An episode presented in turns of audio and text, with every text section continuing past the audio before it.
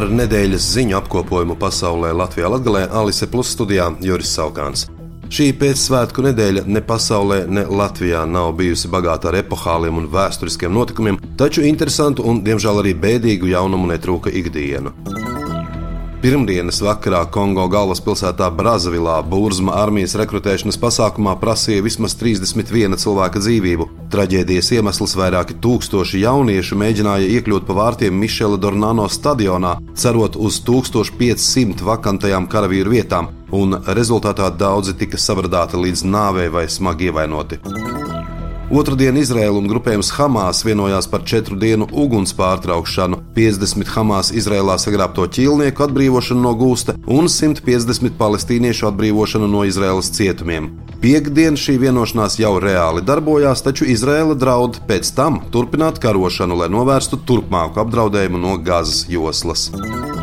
Seimas valsts pārvaldes un pašvaldības komisija otrdien lēma virzīt izskatīšanai Seimā grozījumus pašvaldības domas deputāta statusa likumā. Tie paredz Centrālajai vēlēšanu komisijai dot tiesības anulēt pašvaldību deputātu pilnvaras par ilgstoši neapmeklētām sēdēm. Samērā loģiska doma, jo vispār jau nevienā darbā netur cilvēku, kurš vienkārši nepilda savas funkcijas.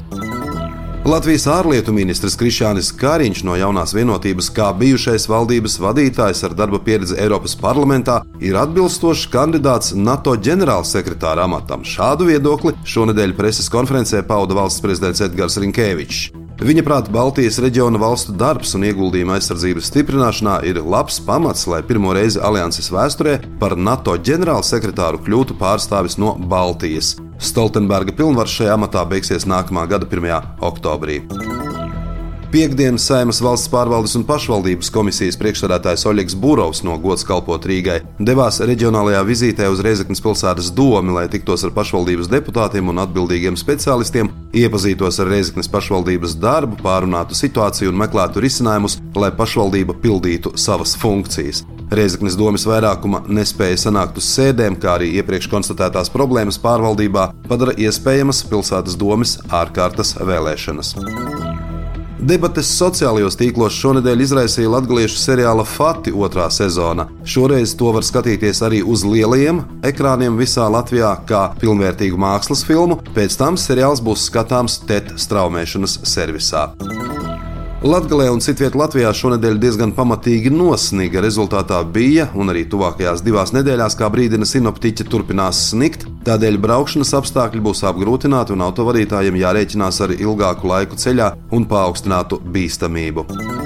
Iekšlietu ministrija ziņo, ka Ukrainas bēgļu plūsma saglabājas mērena un stabila. Vidēji mēnesī Latvijā ierodas 700 līdz 800 Ukrainas iedzīvotāju. Precīza informācija par to, cik Ukrainas iedzīvotāju atrodas Latvijā, nav zināma. Pagaidu aizsardzības statusa saņemšanai reģistrēti nedaudz vairāk nekā 46,000 Ukraiņas iedzīvotāju. Līdz ceturtdienai Latvijas pašvaldībās kā aktīvi bija reģistrēti gandrīz 33,000 Ukraiņas iedzīvotāju, kas vērsušies pēc palīdzības.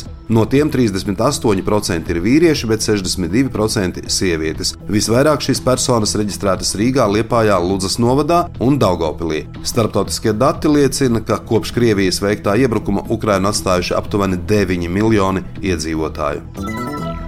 Prokuratūra šonadēļ nosūtījusi Latvijas rajona tiesai kriminālu lietu par LGBT kopienas pārstāvju piekaušanu Daugopilī šā gada 4. maijā. Apsūdzība uzrādīta par huligānismu, nodarot cietušajiem miesas bojājumus. Kā atceramies, sākotnēji valsts policija kriminālu procesu bija izbeigusi, taču prokuratūra policijas lēmumu atcēla un kriminālu procesu atjaunoja.